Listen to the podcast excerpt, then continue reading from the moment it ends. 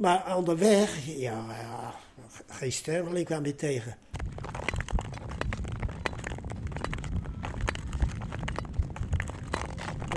Hoi, ik ben Jessica en ik schaats. Maar de tocht, die ene tocht, die zal ik waarschijnlijk nooit rijden. Dus ik ga de verhalen ophalen van de mensen die hem wel hebben geschaatst. En in deze Elfsteden-podcast neem ik jullie mee op mijn reis.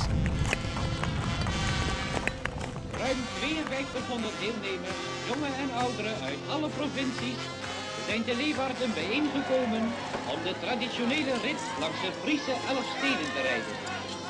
Hier in Hinderlopen moeten de rijders een stuk klunen, zoals heel Nederland nu weet. Overal wordt de doorkomst van de toerrijders tot een feest gemaakt.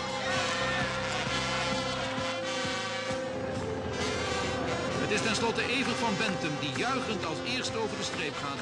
Na 6 uur, 46 minuten en 47 seconden. Dit keer ben ik op bezoek bij Klaas Schaap. Klaas woont in Loosdrecht, in een modern appartementje op Driehoog. Ik word welkom geheten door een klein kranig paasje van 92 jaar, met golvend grijze lokken en een nieuwsgierige blik. In de hal prijkt meteen zijn grootste trots. Vijf ingelijste kruisjes van de Elfstedentocht, van 1956 tot 1997 verreden.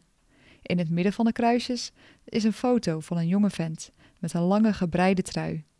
Die heeft zijn vrouw Miep speciaal voor de Elfstedentocht voor hem gebreid. Want wat hangt hier precies in de gang? Oh, Dat is de, de Elfstedentocht, de vijf eh, kruisjes. En dan met de foto. En wat heeft u precies aan daar op de foto? Eh, Wat voor kleren Ja, droeg u toen? dat is ja, geen, geen, geen wedstrijdding, het is een trui ja, die tegenwoordig heel uit de boze is. Uit de boze? Ja, het, het, het, het houdt alleen maar tegen. Het is een wollen trui, denk ik. Of, ja, maar eh, als je, als je een oude, oude, oude foto's ziet van, ja, van de Elfsteden toch van drie, eh, kom je veel van die truien tegen. Miep is zijn steun en toeverlaat. Ik ben vanaf 63, denk ik, altijd mee geweest. Ja. Zuidlade, meer, overal heen. Na de pilot met de wollen trui tijdens de Elfstedentocht van 1956 bleek hij ietsje te lang. Voor de eerstvolgende Elfstedentocht van 1963, waar we het uitgebreid over gaan hebben, kortte Miep de trui dus nog maar een klein stukje in. Ik word in een zetel gezet met een bak koffie als Klaas aan zijn verhaal begint. Hij kijkt er vaak verbaasd bij, wat hem allemaal is overkomen in zijn sportieve levensloop. Hoe hij per ongeluk wedstrijdschaatser werd, omdat hij nou eenmaal verschrikkelijk hard op natuurreis kon doorbeuken. En hoe hij tijdens de Elfstedentocht van 1963 als anonieme wedstrijdschaatser op de voorpagina van de Friese Courier Wat is de belandde. foto nou, deze?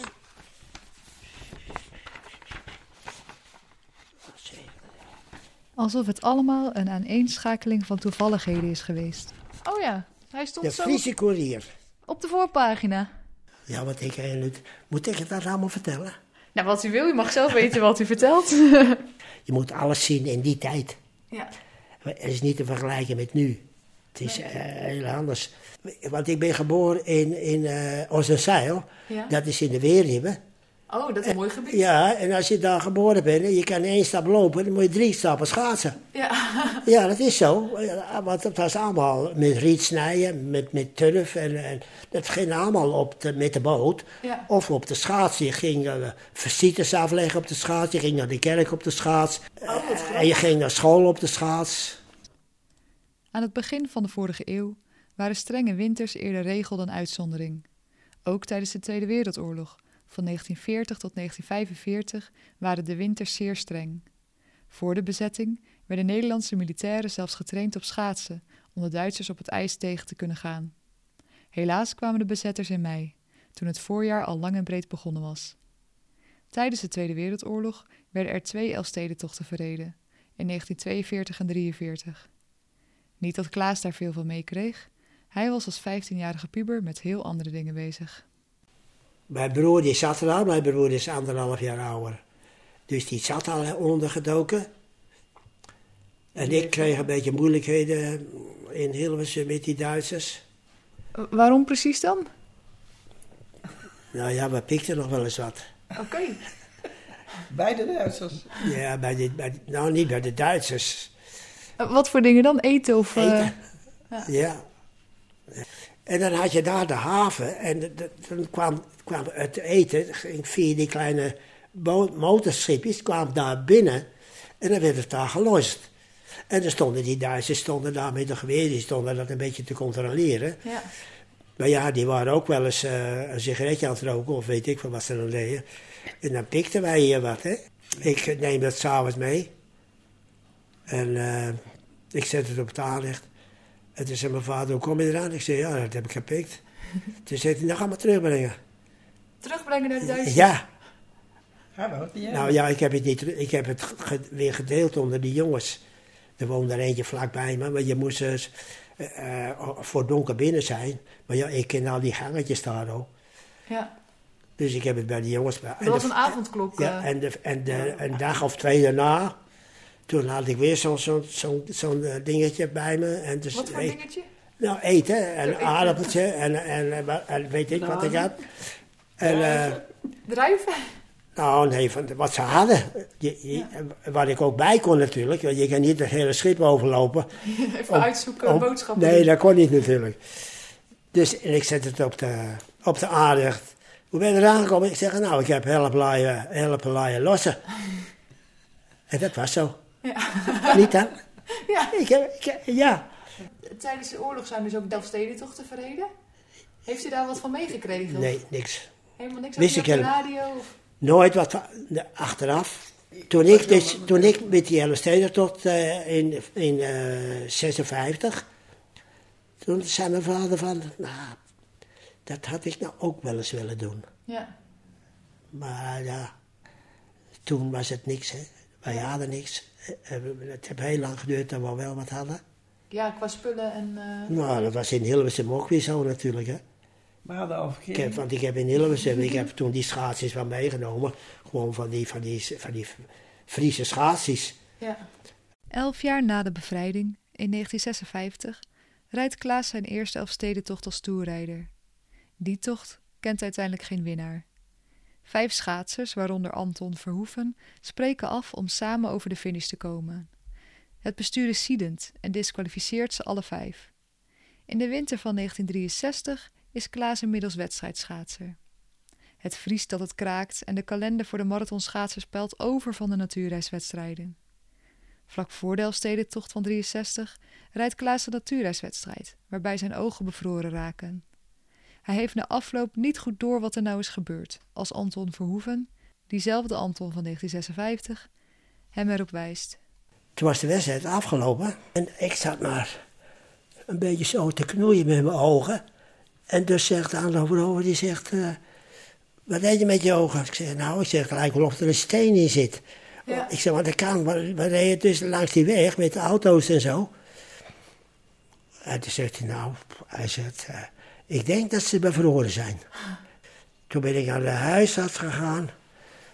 En heb ik gevraagd, wat moet ik daar nou aan doen? Hij zegt, het enigste is dat je dat van buitenaf beschermt. Oké, met een bril. Maar we hadden geen brillen, niks op dat gebied. Nee. Op een gegeven moment was er sprake van de Herenstedentocht. En we gingen toen met de trein. Ik loop eh, langs de Leeuwenstraat naar het station. En ik kijk daar de ezelage in. En dan zag ik een bril, die was zo groot. Ja. Die ging eigenlijk over mijn hele gezicht heen. Het was geen gezicht, joh. Maar het was heel breed, want er zat alleen maar een, een stangetje aan. Meer niet. Dus ik heb dat ding gekocht daar ook. En eh met- er zat donker glas in. Die bril, die zou later heel belangrijk worden. Maar eerst de start. Het is 18 januari 1963, als zo'n 600 wedstrijdschaatsers de duisternis instormen. Dus ik ben van stad gegaan. Maar zonder die bril op, want het was donker, hè. Dus, en dan nog wa- dus ik denk, ja, die moet ik maar niet opdoen. En eh, in Sneek, toen was het eigenlijk al mis. Ik had al, al moeite om het eh, met stempelen, Ja. om, om de goede weg te vinden. En hoe langer ik Omdat zo... u het niet goed zag ook. eh. Toen zag ik het niet. Nou ja, ik ben, toen ging het nog, het rijden, dat ging nog. Want af en toe dan zag je een beetje, een beetje ijs en dan zag je die strook nog wel van, van, van vegen. Uiteindelijk ging het niet zo goed, dus eh, op dat moment, toen, als, toen met die ogen, had ik het nooit gered. Maar in, in Sneek, er waren al jongens die, die, eh, die, die, heel bang waren. Die gingen van het ijs af, want die hadden ook bevroren ogen. En dat heb ik wel gehoord. Maar ik wist op een gegeven moment, ja. Op een gegeven moment eh, eh, vallen, vallen, vallen. Op een gegeven moment eh, rijdt er een jongen bij mij, wie wist. Eigenlijk had je dat moeten weten. Maar dat weet ik helemaal niet. Maar die jongen, dus ik viel. En toen was er wat, wat, wat uit mijn dingetje gevallen. En toen raapt hij dat op. En toen zegt hij, verrek, je hebt een bril. Hij zegt, maar het begint al licht te worden. Nou, toen heb ik die bril opgezet. Nou, die jongen die ben, ben ik kwijtgeraakt. En eh, doordat ik toch eh, bleef rijden en, en werd er warmte van mijn gezicht, kwam er één, één eh, oog, kon ik volledig 100% zien. De andere bleef, welk oog weet ik al niet meer, maar één oog dat bleef een beetje, een beetje wazig. En zo heb je het ene dat je zegt, nou ik kom nooit in Leeuwarden. Nooit van zijn levensdagen. Ja, ik was een van de laatste, denk ik, toen ik die bril opzet. En ik ben gaan rijden. En zit je dus in een groep. En eh, dat ging me niet hard genoeg, want ik reed om hem uit te rijden. Ik moest binnen de tijd zijn, hè. De zon begint langzaam in de hemel omhoog te kruipen. Met de sportbril op zijn hoofd herwint Klaas zijn vermogen om te zien en daarmee ook zijn vertrouwen. Hij begint de schaatsers die voor hem rijden één voor één op te vegen, tussen Sneek en Franeker. De rijders strompelen verdwaasd en moe gestreden het ijs af. Of nou ja, het ijs. Tussen land en ijs is door de dikke pakken sneeuw weinig verschil meer te zien. Als ik bij een groep aanpakte, want die haalde ik dan in. Ja, dan reed ik een tijdje mee. En dan, eh, dan, dan reed ik op kop en dan, eh, dan gingen ze met mee. Maar ja, ik denk, ja, ik ga niet eh, die lui naar de finish brengen. Ik moest binnen de tijd zijn. Je had haast. Rijden en rijden.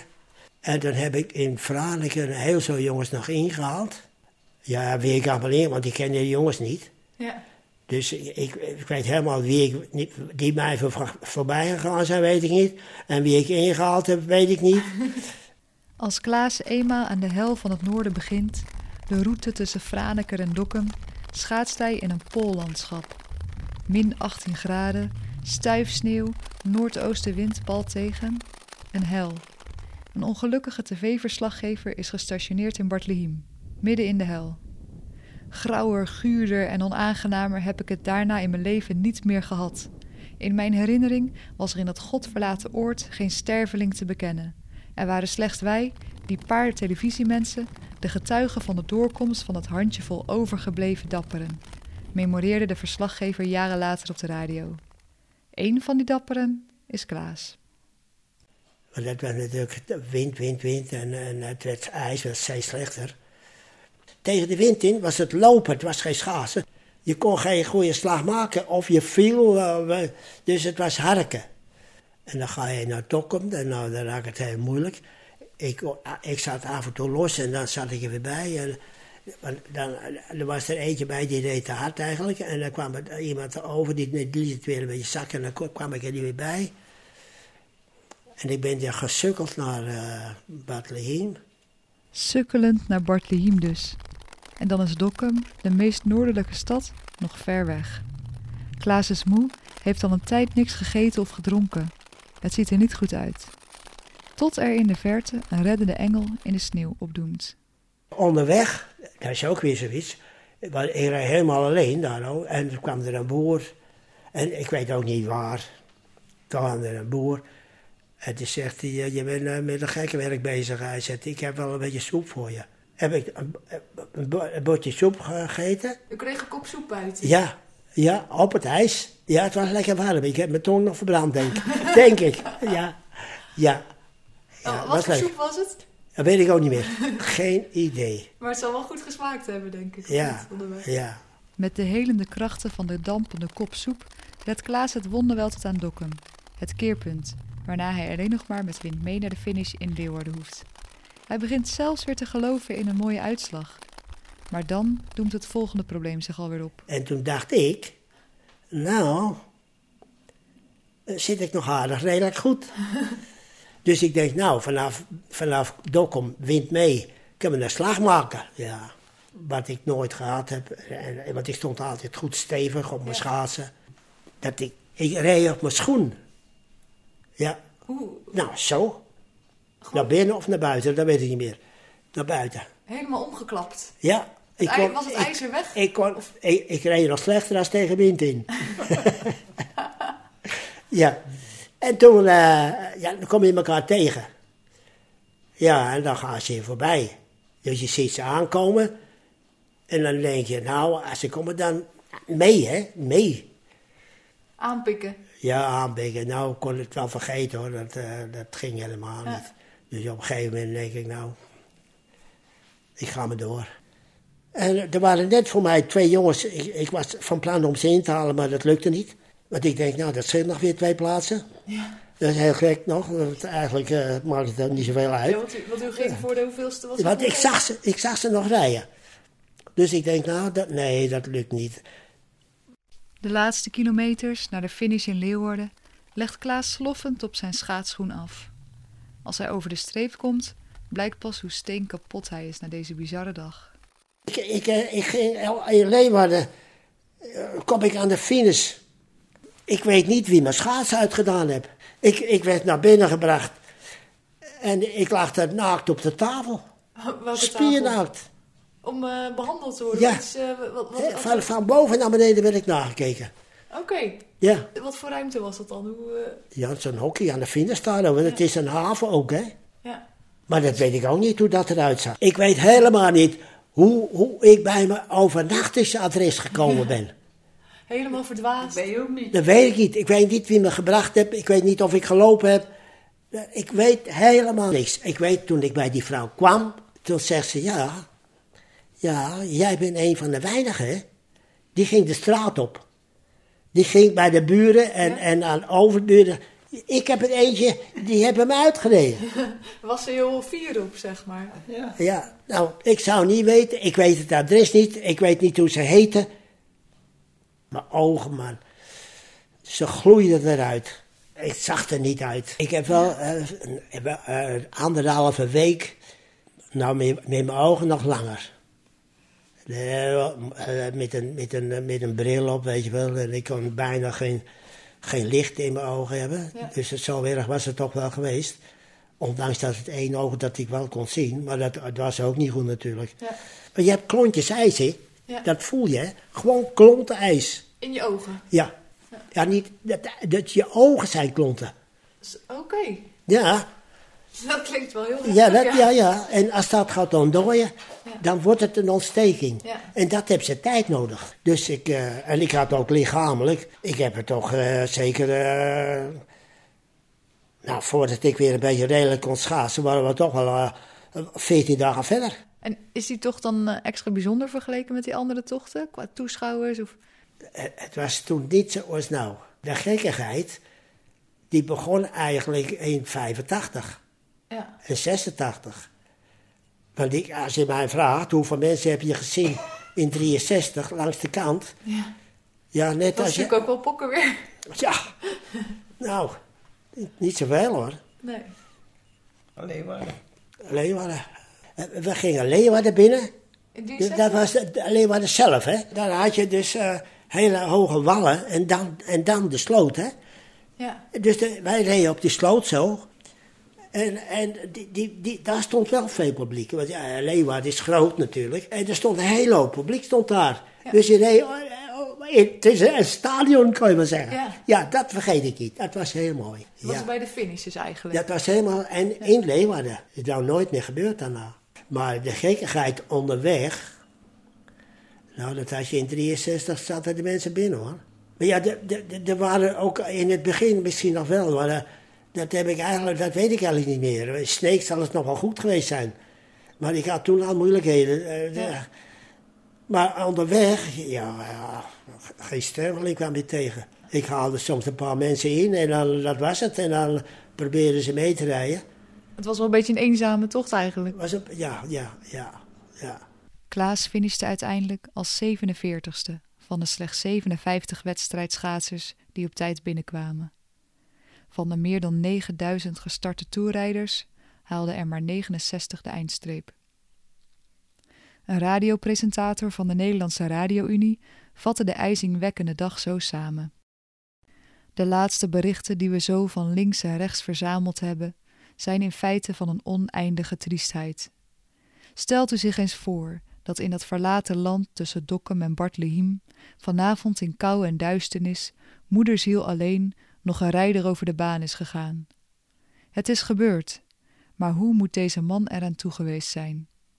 Wat moet hij gedacht en gevoeld hebben? Hoe ontstellend groot tenslotte, beslissend moet zijn verbeten wilskracht geweest zijn om daar in die oneindige eenzaamheid zonder steun van wie dan ook door te gaan, meer lopend dan glijdend.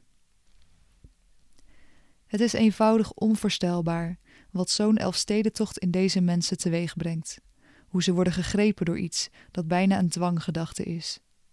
Doorgaan, doorgaan, doorgaan naar Leeuwarden al val ik er tienmaal bij neer.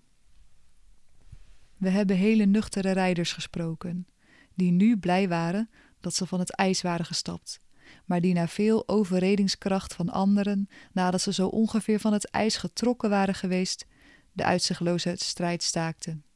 Het is me een raadsel, maar het is ergens hoogst enerverend en dramatisch, zoals het totale beeld van deze moordende tocht langs de elf grimmige Friese elfsteden dramatisch was. Nauwelijks meer dan een halve procent heeft de finish bereikt.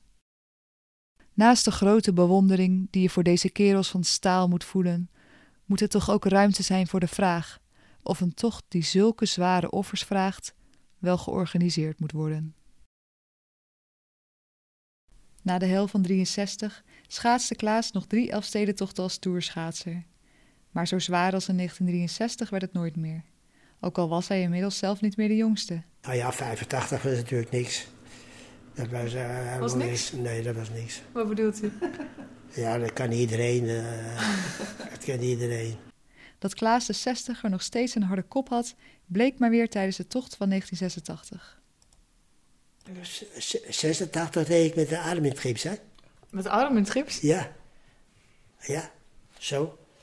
U had wat gebroken? Ja. Op de ijsbaan in Oh. Utrecht. Oké. Ja.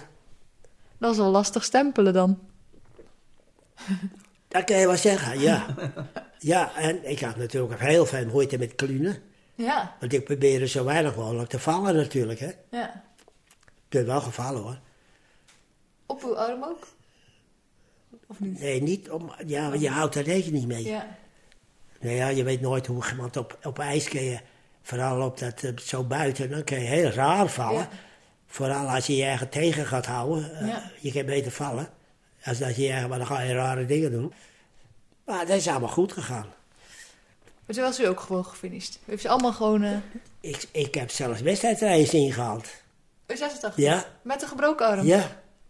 Wat, eh, keken die dan niet raar op als u dan voorbij kwam met, eh, met uw hand Nou ja, misschien wel, dat weet ik zo niet. We haalden die wedstrijdreis in. En wij waren degene die dus het tempo een beetje bepaalden. In de groep met de wedstrijdrijders. Ja. En het, het Weet je nog welke wedstrijdrijders het waren, of niet? Nee, dat Eh, weet ik niet. Nee. Op een gegeven moment, eh, wat mij dan opviel, ik had moeite met, met de klunen. En, en dan, dan was ik eh 20, 30 meter achter. Ja, want u had natuurlijk en- uw arm in ja, het eh, ja, en in plaats dat ze dan eventjes achterom kijken. Van, hé, hey, die gozer moeten we meenemen, want die gaat zometeen weer op, wel weer op kop rijden. Maar dat eh, hadden ze niet helemaal bedacht. Nee, dan moest je keer weer dan moest ik ze weer inhalen, dat was wel moeite. En toen kwamen we dus eh, bij Dokkum. Toen eh, kreeg ik het, ik had wel last van mijn rug, dat is dan hier. Toen had ik het ook bovenin, hè. Zo, eh allemaal zo rijden. Dus uw arm zo ervoor en... eh, Ja, toen heb ik ze maar laten gaan. Oké. Nog steeds pakt Klaas iedere dag zijn fiets om naar het bos te gaan. Daar doet hij vroeg in de ochtend zijn schaatsprongen. Of nou ja, tegenwoordig zijn het meer passen. Maar dat maakt hem niet uit. Schaatsen gaat inmiddels niet meer. Maar gelukkig staat zijn opvolging te trappelen. Zijn achtjarige achterkleindochter heeft het, zegt hij zelf. Dat had hij meteen wel door, toen hij haar bezig zag op de dichtgevroren Loosdrechtse plassen afgelopen winter. Deze podcastaflevering is mede mogelijk gemaakt door Boomsma, de Friese distilleerderij. En door Haak Chicory Equipment. En ook met hulp van Petje.afleden, Hester, Leonieke, Mark en Anjuli. De vertellingen over de tocht van 1963 komen uit een uitzending van de NTS, met dank aan het rijke archief en de medewerking van Beeld en Geluid. Het interview met Klaas is voor de coronapandemie opgenomen, in januari 2020. Wil je meer verhalen horen? Word lid via petje.af slash Elfstedenpodcast en ontvang meteen een Elfstedenpodcast heupflacon. Dan zorg ik dat het omgiet, zelfs als het niet vriest.